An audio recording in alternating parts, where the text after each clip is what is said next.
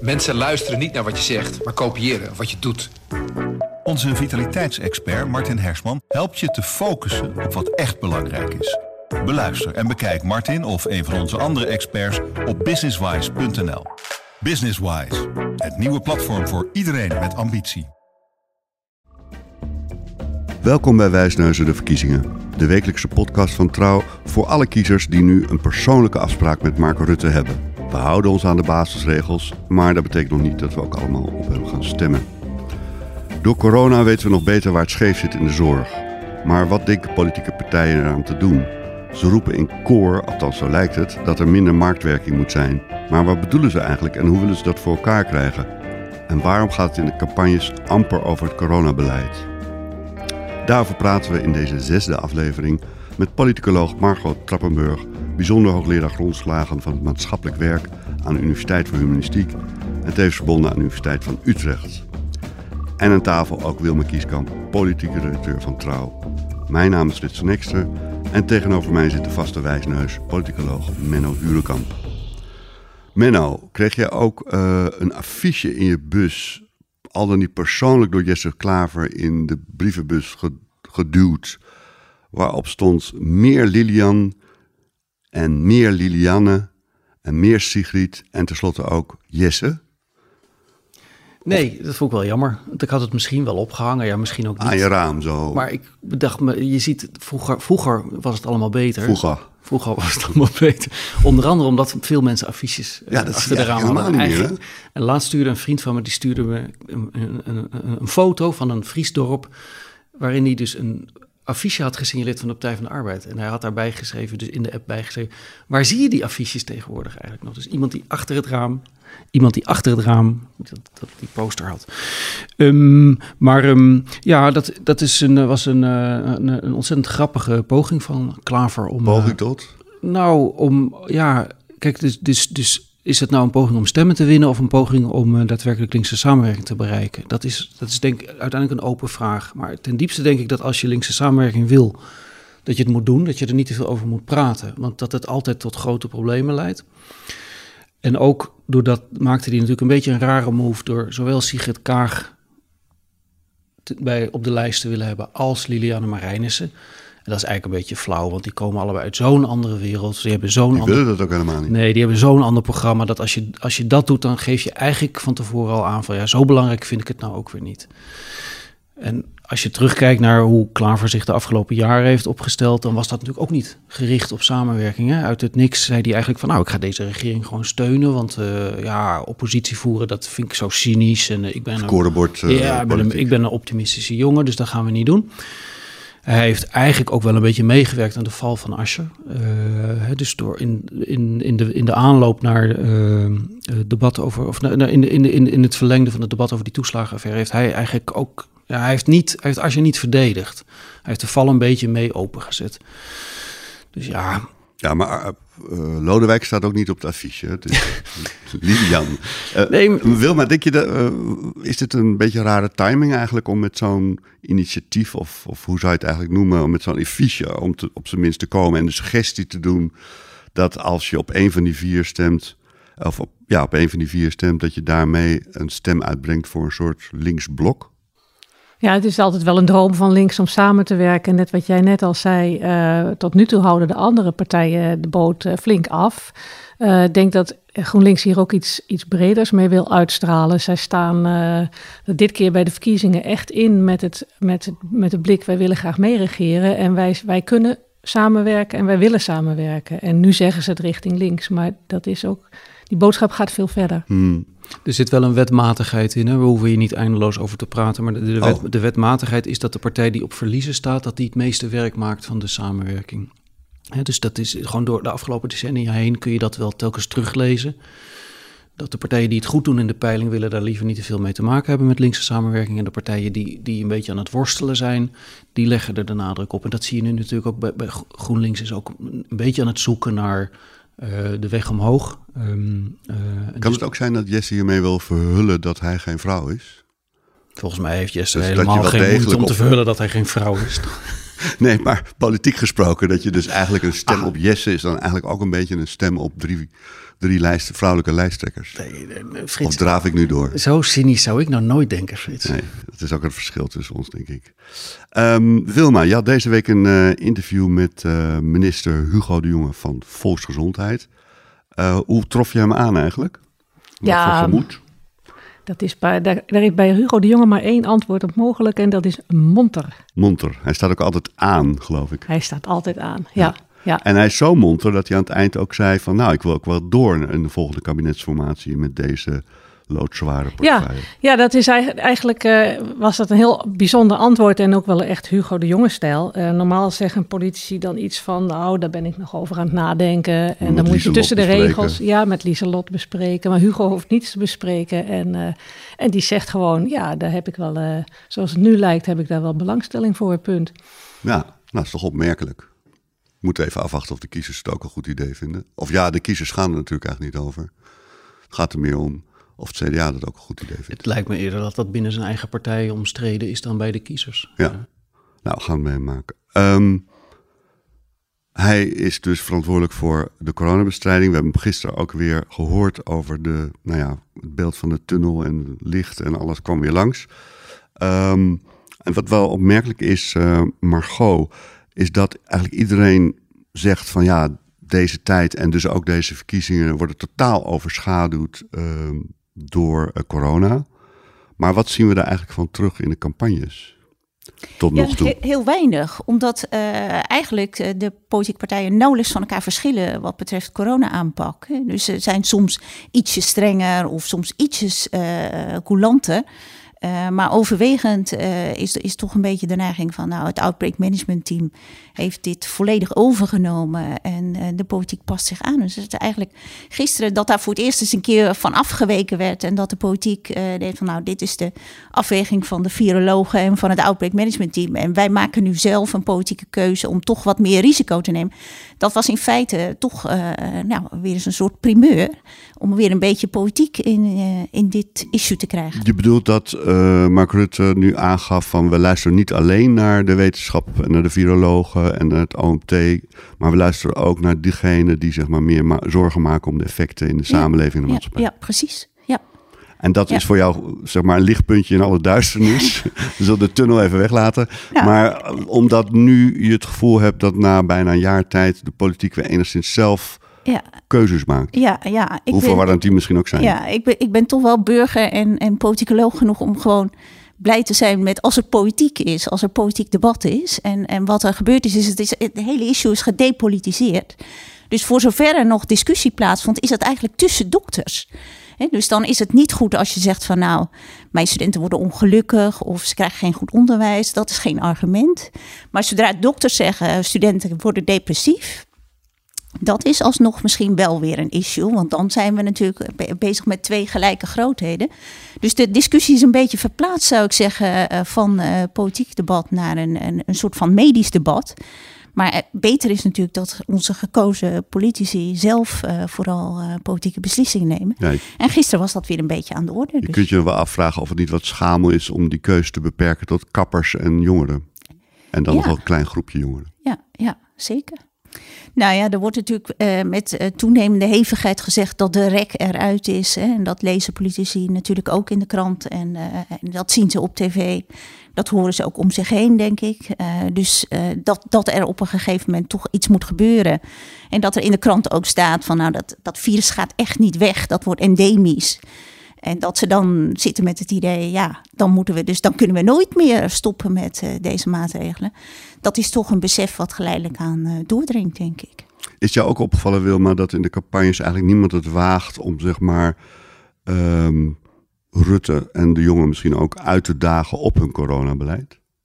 Ja, dat, eh, dat is iets heel opvallends. Ehm, dat is ook wel verklaarbaar in die zin dat om te beginnen, als je Rutte uitdaagt, dan, dan ga je dus eh, de bewuste keuze aan qua, strategie om Rutte eh, uit, uit te dagen op zijn sterke punt. Eh, want hij wordt door de mensen in het land gezien als de grote coronamanager. En daardoor stond de PV VVD, ik zeg het bijna verkeerd, op een gegeven moment meer dan 40 zetels in de peilingen.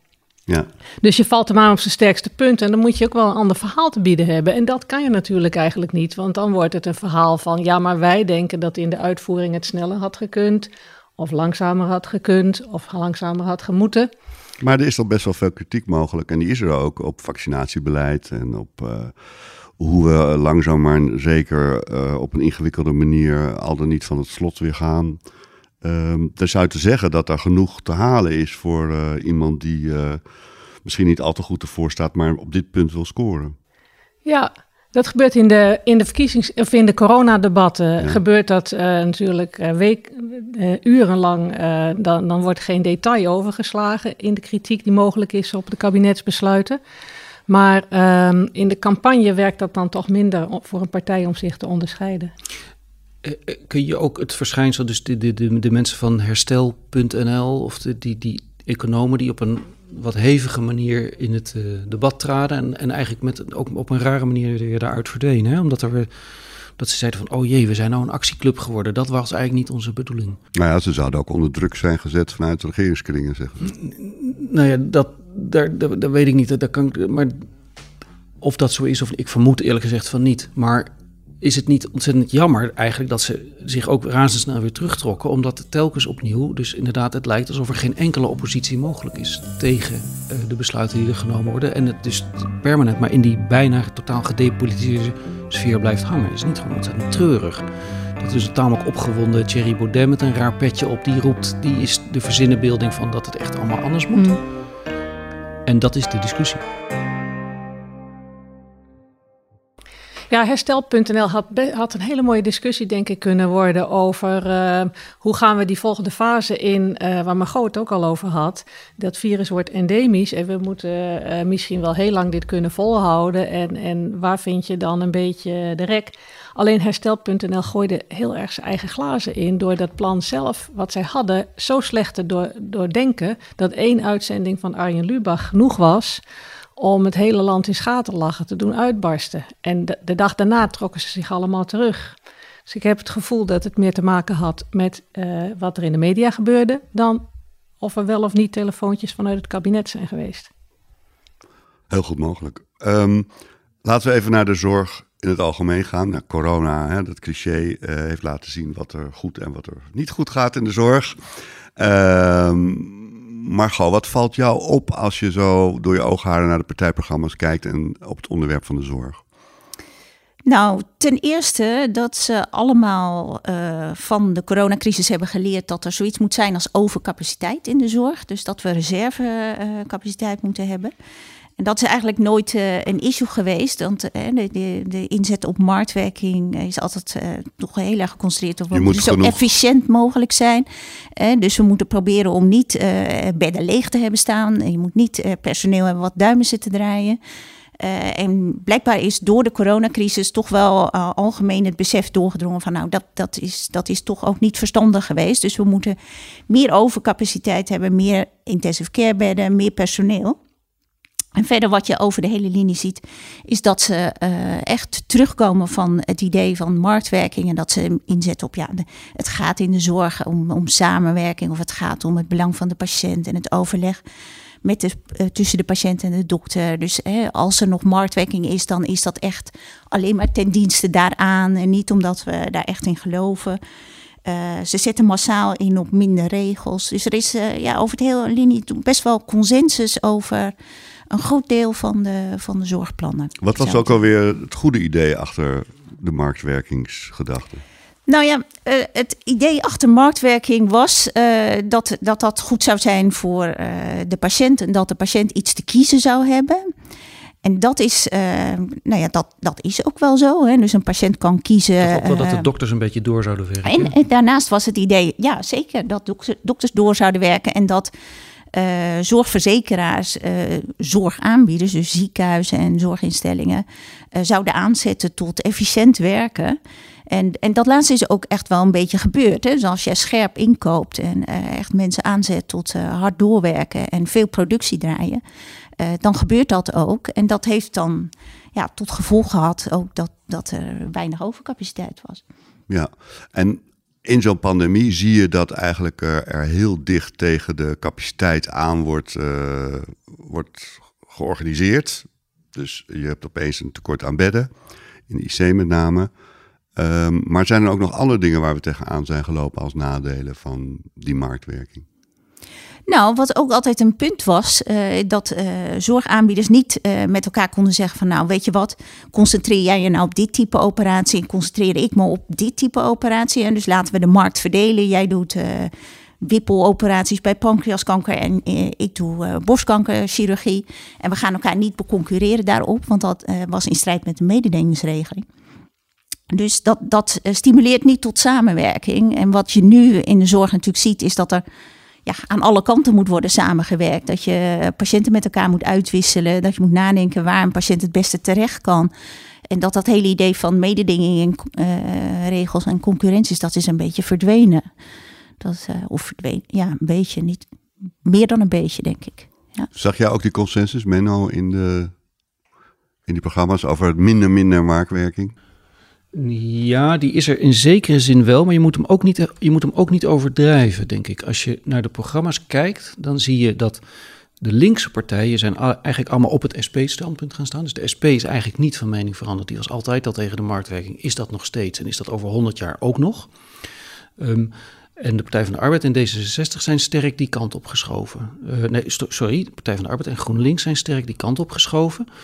Maar als je kijkt naar de clubs die nu in de regering zitten, dan zie je dat dus D66 en de ChristenUnie en de VVD en het CDA, die zijn wel kritischer geworden over die marktwerking in de zorg. Maar die zeggen zeker niet met zoveel woorden, daar gaan we een einde aan maken. En die clubs hebben wel echt een, uh, uh, gewoon een flinke meerderheid nu in de Tweede Kamer en volgens de peilingen straks ook. Dus vermoedelijk hebben zij het min of meer voor het zeggen. Dus we moeten, ja, ik, moeten, het zou denk ik niet ver zijn om de verwachting te wekken dat, dat in één keer straks dat hele zorgstelsel op de schop gaat. Uh, want die drang zit niet achter die programma's. Nee, maar de vraag is ook echt of dat hoeft. Hè? Eh, want dat, dat stelsel is best wel een compromisstelsel geweest. Het is een, de invoering geweest van een basisverzekering zorg. Uh, en die hadden we helemaal niet voor 2006. En dan hadden we echt een ziekenfonds voor twee derde van de bevolking. Een particulier verzekeren voor, voor de rest. En dus het is een basisverzekering geweest. En daarnaast was er invoering van marktwerking. Dus het stelsel is een soort hybride vorm. Uh, dus om, dat, om de marktwerking eruit te halen, kun je ook best wel binnen dit stelsel uh, allerlei uh, elementen benadrukken of een beetje downplayen, een beetje tussen haakjes zetten. en, en dan, Scherpe dan, kantjes ja, eraf halen. Precies, ja, ja. En daar hoef je niet echt helemaal een zorgfonds voor in te voeren. Wat ik best een sympathiek idee vind. Ik ben soms ook echt jaloers op de Britten met hun National Health Service. En die al als een gek aan het inenten zijn en waar het veel makkelijker gaat. Maar het daarvan invoeren in Nederland zou een krankzinnige operatie weer zijn. Dus dan ben je een hele tijd bezig met een transitieperiode van het ene naar het andere stelsel. Dus of dat ontzettend veel uh, oplevert, of dat nou echt helemaal de moeite waard is, weet ik ook niet hoor. Maar dus eigenlijk hoor je ook wel bij een van die uh, bijna 90% van de, de, Nederlanders die volgens de trouw-enquêtes denkt dat uh, het beste zorgstelsel van de wereld hebben. Nee, dat denk ik helemaal niet. Uh, ik vond het wel een maar, opmerkelijke uitkomst trouwens. ik denk, maar ik denk wel dat de zorg over het geheel genomen oké okay is. He, dus niet dat wij een heel dramatisch slecht zorgstelsel hebben. En ik weet zeker dat een hele hoop gaan omvormen, wat in het onderwijs uh, natuurlijk ook regelmatig gebeurt, dat dat altijd ongelooflijk veel onrust veroorzaakt op de werkvloer. En dat je dan echt heel erg zeker moet weten dat het dat allemaal waard is. Dus dat het zo'n ellendig stelsel is, dat je dat er allemaal voor over moet hebben.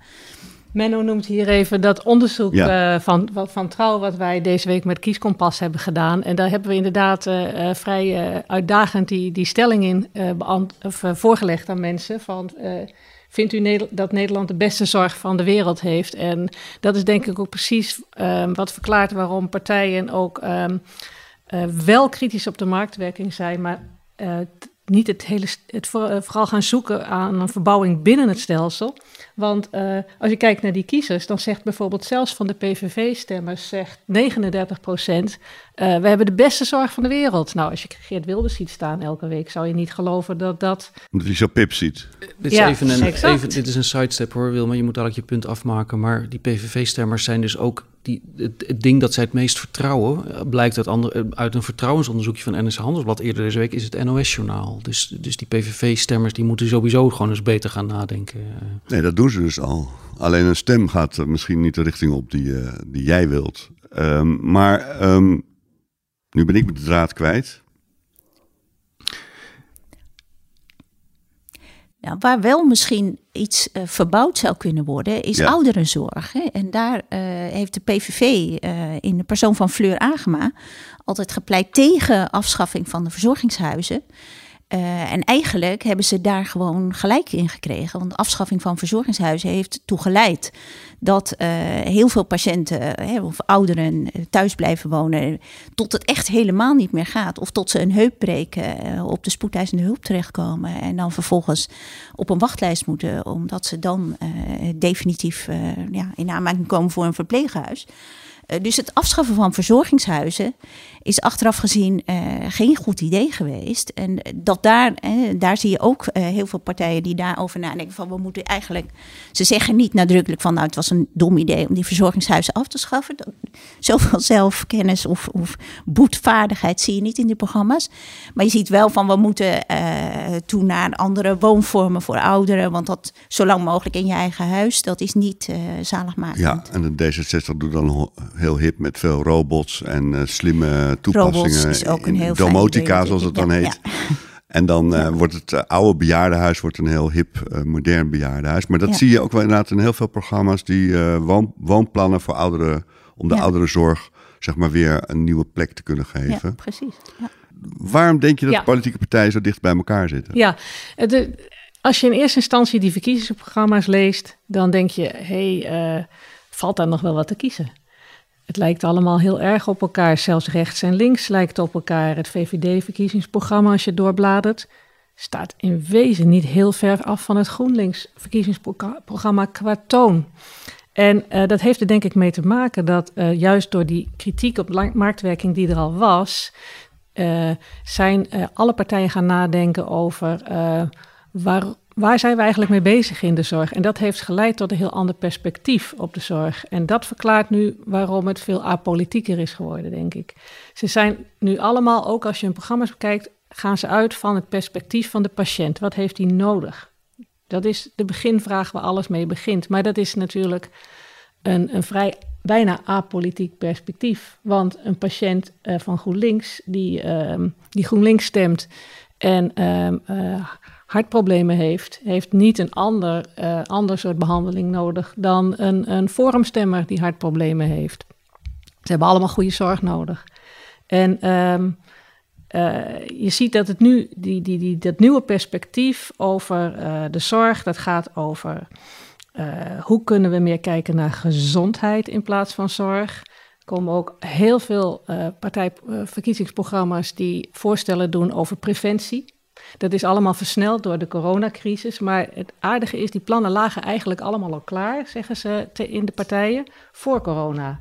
Ze hebben er nu ook een beetje een schepje bovenop gedaan en, de, en het vocabulaire nog wat aangescherpt. Dus we gaan uh, suikertax, um, de huisarts waar je een lange gesprek kan hebben om eens goed te praten over of die operatie nou het beste is of dat je misschien meer moet gaan sporten. Terug naar de basis, meer samenwerken.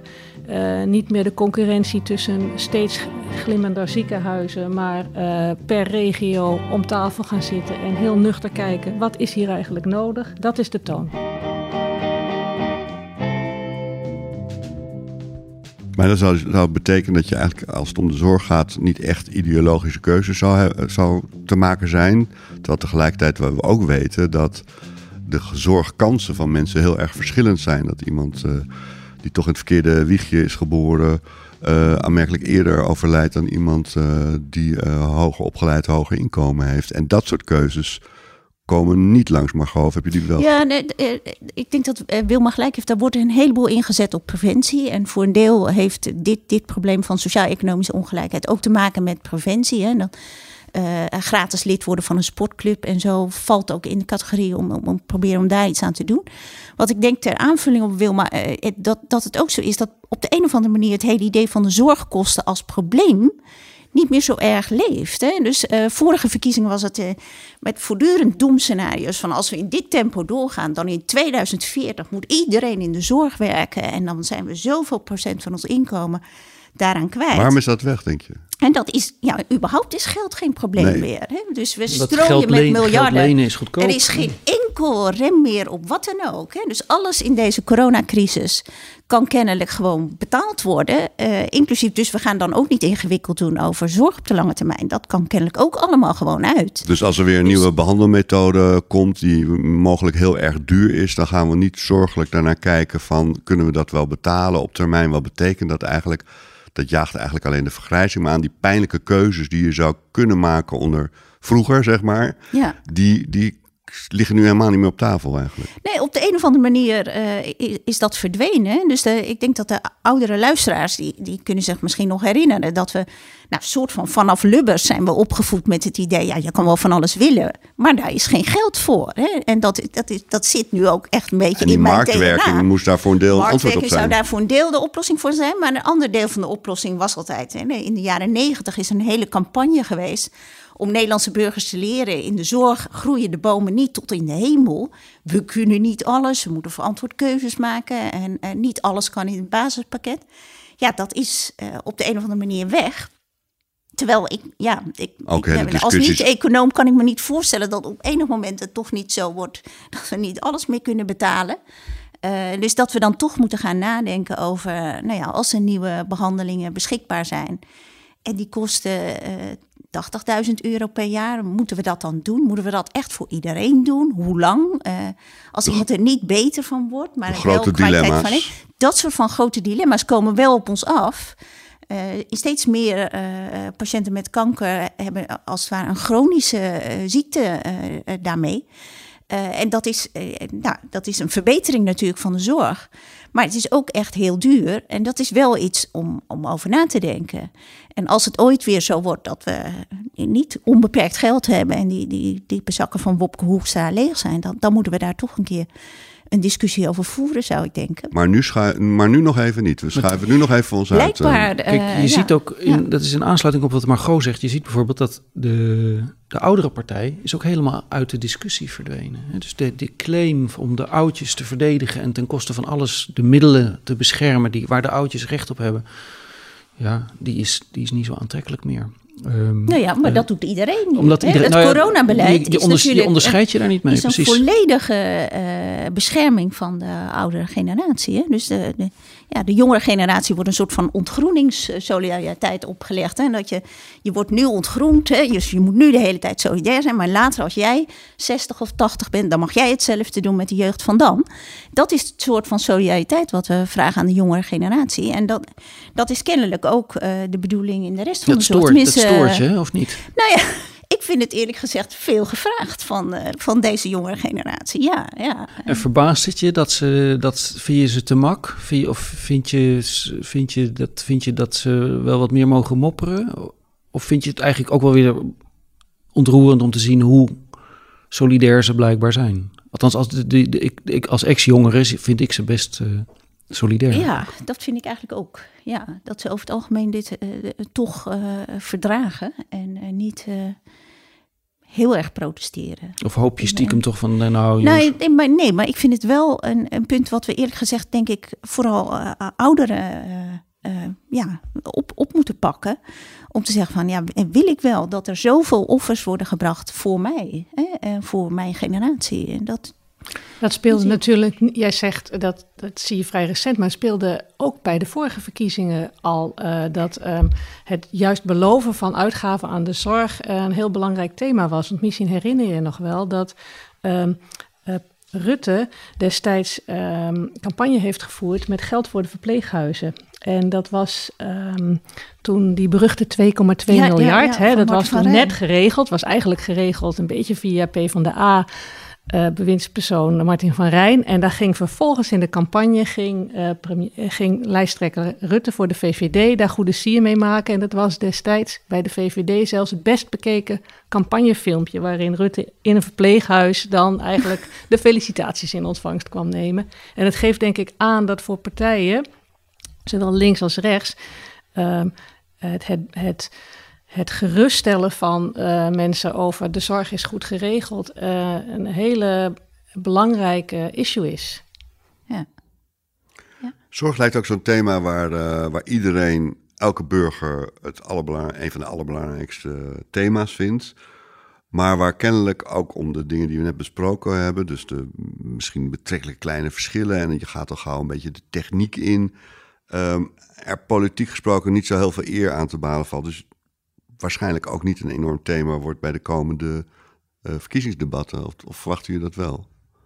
Nee, niet meer. Nee, voorheen wel natuurlijk. Dat, hè, dus dit is, in de tijd dat de marktwerking werd ingevoerd, was dit een belangrijk thema. Maar nu is er denk ik te veel consensus om hier echt een verkiezingsissue in te zien. Ja. De SP is daar ooit best groot mee geworden. Hè? Ja. Dus met alleen maar dit thema. Met, hè? Dus het is altijd van hun geweest. Ze hebben altijd gezegd, de zorg is geen markt.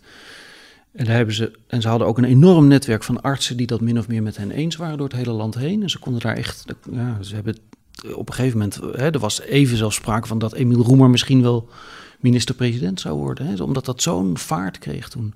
En inmiddels is dat punt natuurlijk min of meer overgenomen door iedereen. Hebben jullie een idee hoe de zorg er eigenlijk uit gaat zien als die formale marktwerking uh, verminderd wordt, uh, Wilma?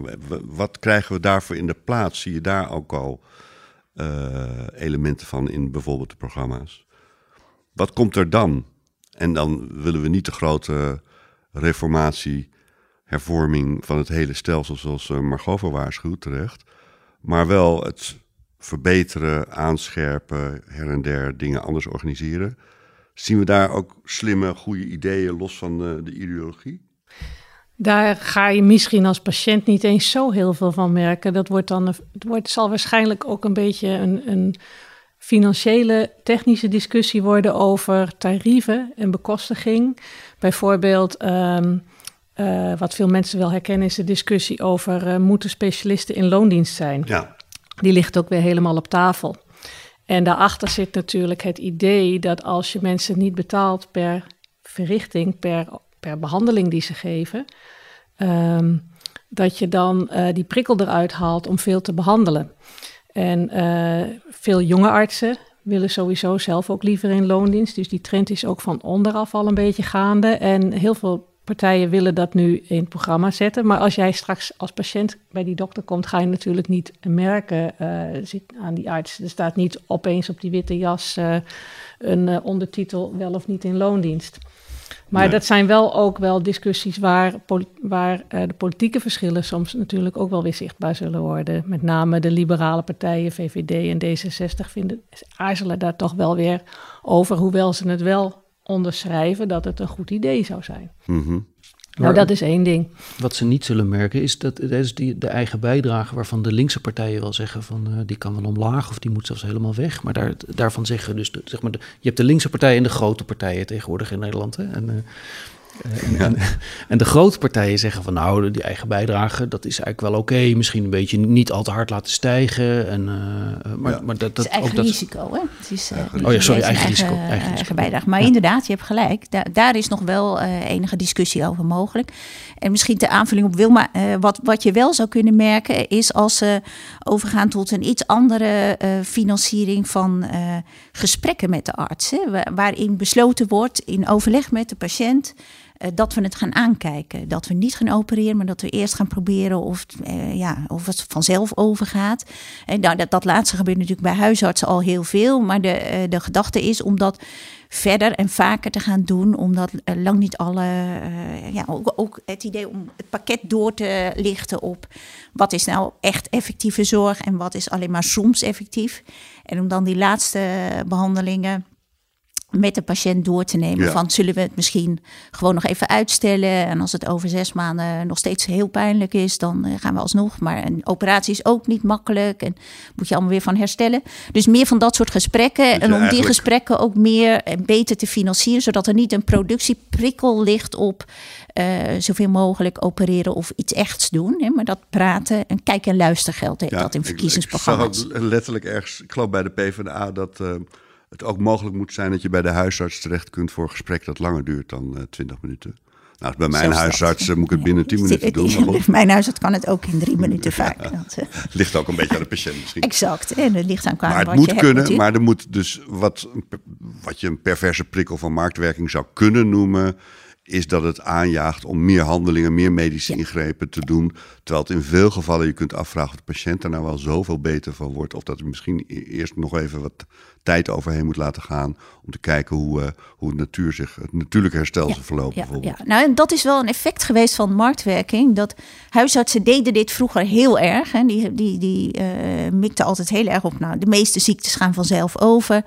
Dus uh, heel vaak wat je tegen de patiënt zegt is, nou, kijk het nog eens aan. Bemoedigend klopje op de schouder. Bemoedigend klopje. En, uh, en in, in, heel veel gevallen was dat ook echt terecht. Hè? Maar patiënten zijn natuurlijk heel erg opgevoed in de marktwerking. Van je moet het niet accepteren als je dokter uh, dit soort kletspraat opeens tegen je uit. En dan moet je eisen dat hij verwijst of eisen dat hij dat voorschrijft. Want jij bent hè, consument en de klant is koning. dus dat heeft die, die houding van huisartsen ook enigszins veranderd daarin. Dus het afzwakken van marktwerking zou voor huisartsen weer een beetje uh, terug betekenen naar uh, de, de, huisarts van vroeger, die toch een wat strenge poortwachter was voor het systeem en ook echt de, de, kosten daardoor. Maar de mondige patiënt heeft ook zo zijn nadelen. De mondige patiënt heeft ook absoluut nadelen. Ja, mondigheid als zodanig, dus dat je gewoon wilt weten wat er aan de hand is, dat, dat is natuurlijk prima, maar. Uh, ja, gewoon op voorhand zeggen van nou, ik, ik heb zelf al uitgezocht wat ik heb. Uh, ik heb het gegoogeld en ik wil verwezen worden. Ja, dat is, uh, dat is een maar, maar gewoon, dat assertief. Gaat, dat gaat toch niet meer in de, die geest gaat toch niet meer in de fles? Um... Ja, dat weet ik niet. Of dat, eh, misschien, misschien als je, eh, dus dat, je hebt mensen ook opgevoed tot marktwerking. Misschien kun je toch ook. Als je iemand zo snel mogelijk je, je spreekkamer weer uit wil hebben, dan is het natuurlijk het makkelijkste om dan toch maar even het verwijsbriefje of het receptje te schrijven. Nou ja, als iets wat uh, die coronacrisis heeft opgeleverd, is dat we ons allemaal hebben laten opvoeden tot, uh, ja, je mag niet zelf beslissen. Je, eh, het gaat niet om maatwerk, het gaat niet om jou, het gaat niet om jouw preferenties, het gaat om collectieve gezondheidsbelangen. Dat heeft iedereen zich toch helemaal laten... Denk je dat laten, we die les helemaal mee gaan nemen nou ja, ik, ik, ik, als je mij dit drie jaar geleden had voorspeld, dan, dan had ik gezegd, nee, dat gaat absoluut never, nooit gebeuren. Het klopt wel en hoor. met, met deze ja. aandoening. En dat is toch gebeurd. Uh, dus ik zou wat dat Maar wat is er dan precies gebeurd? Nou, de, de, althans, als je bedoelt dat er de, gewoon de, zeg maar de verbazingwekkende gedweeheid of de, de, de, de bereidheid van ontzettende grote groepen mensen om mee te werken, om, om gedonder te ondergaan, om hun leven eigenlijk op best wel vervelende manieren vaak aan te passen. Vroeger heette dat solidariteit, uh, Menno. Jij noemt dat nu gedweeheid. Ja, of onontkoombaarheid. Je, je, kunt het ook solidariteit noemen, ja. Dus daar, daar, kun, daar kunnen we het ook. Nou, daar, ja, daar, daar, kunnen hij begint nu over heel erg te lachen, vertel ik er even bij, voor de, de mensen die dit niet kunnen zien. ja. Heel lang in de zorg hebben we gehoord dat het ging om je eigen keuzes. Dat jij moet kiezen wat voor jou de beste zorg is. En dat het ging om maatwerk. En wat voor de ene patiënt goed is, dat is voor de andere patiënt niet goed. Nou, dat, dat is echt heel lang uh, ons voorgehouden. Als dat, dat, is, uh, dat is prima en dat moeten we doen. En dat is natuurlijk niet wat je krijgt. Je krijgt absoluut niet dat er met een 90-jarige gesproken wordt over maatwerk. He, het is nu is het uw beurt om gevaccineerd te worden. En uh, dat, dat gaan we doen. En zo gaan we het doen. En er is geen uh, bezoek mogelijk. En je kunt niet zeggen: ja, maar ik wil uh, uh, mijn laatste zes maanden niet in totale eenzaamheid. Heeft niets mee te maken. En het is één persoon tegelijk op bezoek. Één. Het is helemaal geen maatwerk meer. Dus mensen zijn heel anders geworden als, als zorgconsument dan dat ze waren. Dus wat dat betreft denk ik dat um, enigszins. Die crisis was gewoon een zegen. Nee, dat helemaal niet. Maar, maar dat het zeker wel mogelijk is om mensen weer. Uh, wat dat betreft weer in een andere richting bij te buigen. En er speelt denk ik ook mee dat uh, maatschappelijk ook wel een uh, trend is dat mensen meer bezig zijn met gezondheid. En dat zijn echt, alleen, echt niet alleen de hoger opgeleiden meer. Um, wij hadden toevallig in de krant deze week een reportage van uh, mensen in Amsterdam Noord die dan gaan wandelen en sporten buiten, uh, samen met een maatje. En die man die was uh, dolgelukkig uh, met zijn nieuwe, met zijn nieuwe activiteit. En die ging ook andere mensen daarbij halen en, en dat soort dingen. En die had van de zorgverzekeraar dan zo'n stappentellertje erbij gekregen. Daar kan je punten zo. mee sparen, en, hè? Ja, ja, ja, ja, zijn mensen dol op. vroeger maar deden we dat met koffiepunten en nu gaan we dat doen met wandelen komt die solidariteit niet erg onder druk te staan naarmate de pandemie voortgaat? En bedoel, nu staan de horeca-ondernemers al, al klaar om zeg maar de terrassen open te gooien uit woede. Um, sommige mensen, hun solidariteit uh, neemt toch af naarmate ze mensen om zich heen zien die meer lak hebben aan bepaalde regels. Is het zo'n. Is het zo houdbaar? Of? Nou, niet, niet op lange Tenminste, ja, dat denk ik niet. Nee, dat het dan op een gegeven moment dan. Uh, ja, naarmate die crisis voortduurt. Je kan niet eindeloos. dus ja, ook financieel snap ik niet hoe dat dan uit kan. Ik, ik begrijp het echt niet. Hè? Ik ben geen econoom, dus misschien wreekt zich dat hier heel erg. Maar ik snap gewoon niet hoe het, hoe het kan dat het sinds de jaren tachtig dat er nergens geld voor was. En dat er nu opeens gewoon onbeperkt geld is om het hele land op slot te doen. En iedereen thuis op te sluiten. Ik, ik begrijp niet hoe dat uit kan. Maar eh, dus hier mogen jullie een keer met economen over door gaan praten. Uh, maar de, die solidariteit uh, ja, raakt natuurlijk een keer op. Dat geloof ik ook wel, ja. Zijn er, mag ik een raar nog even terug naar de verkiezingsprogramma's. Maar gewoon toen je ze las, zijn er, waren er dingen waarvan je dacht: waarom kom ik dit nergens tegen? Waarom, waarom is het niet over deze en deze? Zijn er onderwerpen waarvan je dacht: wat gek dat, dat niemand dat benoemt? Um... Nou ja, die corona, eerlijk gezegd. Hè? Dus, uh, maar dat, eh, dat is niet verbazend, omdat uh, ze dat echt gedepolitiseerd hebben. Maar het is wel gezien hoe belangrijk het is, is het eigenlijk raar dat er daar geen politiek verschil van inzicht over bestaat. Dus dat is, dat is het meest opvallende, denk ik. Uh, maar daarnaast zou ik eigenlijk toch wel hebben gehoopt dat er een, een discussie was over uh, wat er wel en niet in het basispakket moet. En hoe we omgaan met nieuwe, dure geneesmiddelen. En dat zie je dus even in eerlijkheid wel in een enkel programma een klein beetje terug. Hè? Dus verrassend genoeg bij 50 plus bijvoorbeeld. Uh, kwam ik dat tegen. Van een dialoog over de houdbaarheid van de zorg uh, en over gepast gebruik. Uh, en ook in de kleine christelijke partijen zie je daar wel aanzetten toe in het programma. En dat is wel een discussie die op enig moment gevoerd moet worden, denk ik. En dan gaat het over de middelen die, zeg maar individuele geneesmiddelen, die echt te, alleen maar tegen een hele hoge prijs verstrekt mogen worden. Precies. En onder welke voorwaarden die dan verkregen moeten worden. Ja, ja. En dan, en dan vooral geneesmiddelen die niet uh, genezen, maar die wel levensverlengend zijn. dus als je een kankermedicijn hebt en je wordt helemaal beter, dat is weer iets anders dan een kankermedicijn. Nee, helemaal beter maken kunnen we je niet, maar we kunnen wel drie jaar kopen. Maar dat is dan wel 100.000 euro per jaar of misschien wel 200.000 euro per jaar. Ja. En dat, ik denk dat we echt daar een discussie Maar die vragen zie je, hebben. evenals volgens mij ethische, andere ethische vragen, zie je eigenlijk niet terug in de programma's, in de meeste programma's. Nou ja, nee, nee in ieder geval niet in dit detail. Nee. Hè? Dus uh, nou, dat zeg ik. In een aantal programma's wordt nog wel gezegd van uh, we moeten daar een, uh, een, debat over gaan hebben. En dat is denk ik een heel verstandig idee. Ja. dus dat zou Want bij zorg ging het eerst altijd over de wachtlijsten. Nou, de marktwerking moest daar wat aan doen en dat is voor een deel ook gelukt. En daarna ging het vooral ook over allerlei ethische levenseinde uh, vragen. Uh, maar dat is ook weer een beetje verdwenen. Ja, dat zie je nog wel hoor. In, uh, dat zou je ook gezien hebben.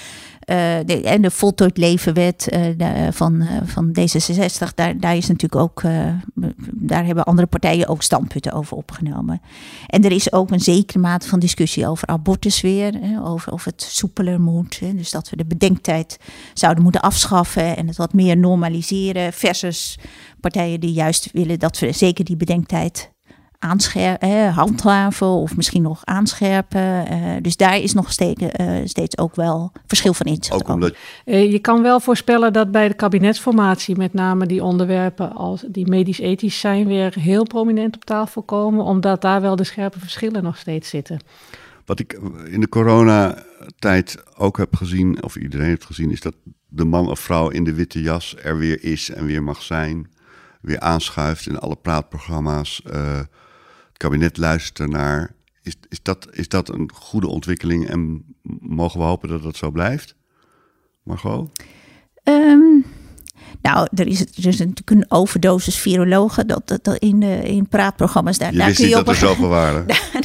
Daar, kun je op een gegeven moment ook genoeg van krijgen. Maar ik vind eerlijk gezegd wel ja dat de dokters zich heel uh, prettig met deze kwestie hebben bemoeid. Dat ze ook uh, verschil van inzicht hebben en dat er ook dokters zijn die uh, sommige maatregelen in twijfel trekken. En dat ze dat ook uh, delen in eigen kring en, en, daar ook aandacht voor vragen in de media.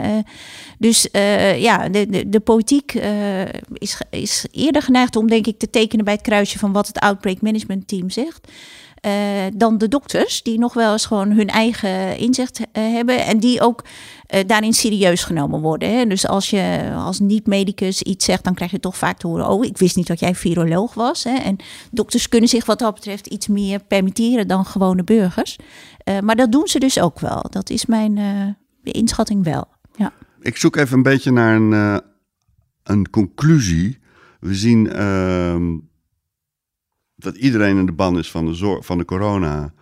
We zien daar ook wel het een en ander van terug in uh, de partijprogramma's, maar dan vooral een consensus om hè, te, te, zorgen dat bij een eventuele volgende keer we minder uh, beter voorbereid zijn. Maar het werkelijk, daadwerkelijke beleid, daar durft toch niemand echt de strijd over aan te gaan, behalve uh, klein rechts, om het zo maar te zeggen. Um, en we zien dat de, de consensus eigenlijk is van we zouden in die zorg toch eigenlijk uh, minder marktwerking moeten hebben, want daar zitten we toch te veel nadelen aan. Alleen de vraag van hoe gaan we dat in de toekomst, stel dat we ooit weer normaal, uh, een normaal huishoudboekje moeten hebben, hoe we dat dan gaan betalen en wat dat betekent ten opzichte van de vergrijzing en de levensduurverlenging, daar spreken partijen eigenlijk liever niet of nauwelijks over. Klopt dat een beetje? Dat, dat lijkt me de terechte conclusie, ja. Ja, ik ben helemaal in shock, Frits, hoe briljant je samenvat. Je zou samenvatten moeten worden. Uh, ja. Dat ga ik er niet uitknippen. Goed, nou, dat sluit ik af. Uh, dank Margot Trappenburg. Dank Wilme Kieskamp. Dank luisteraars. Dit was de zesde aflevering van Wijsneuzen de Verkiezingen. U kunt deze week veel meer lezen over het thema zorg en de verkiezingen in Trouw, de krant die zo fris is als de lente. Volgende week willen we weten hoe de politieke partijen denken dat Nederland zijn plaats moet bepalen in de grote, soms boze wereld. Wat komt in de plaats van het oude Atlantische Verbond? Ons gast is dan Monica Sidian Ho, directeur van het Nederlands Instituut voor Internationale Betrekkingen Klingendaal.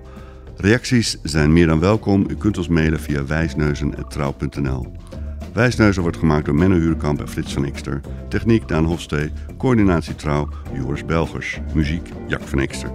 Alle afleveringen van Wijsneuzen zijn te vinden op de website van Trouw en de bekende podcastadressen. Hoort zegt het voort.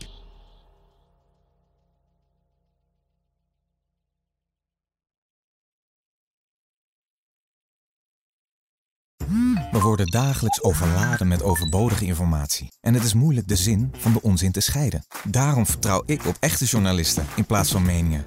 Een krantenmens heeft het gemakkelijk. Word ook een krantenmens en lees je favoriete krant nu tot al zes weken gratis. Ga snel naar krant.nl. Bezorging stopt automatisch en op deze actie zijn actievoorwaarden van toepassing.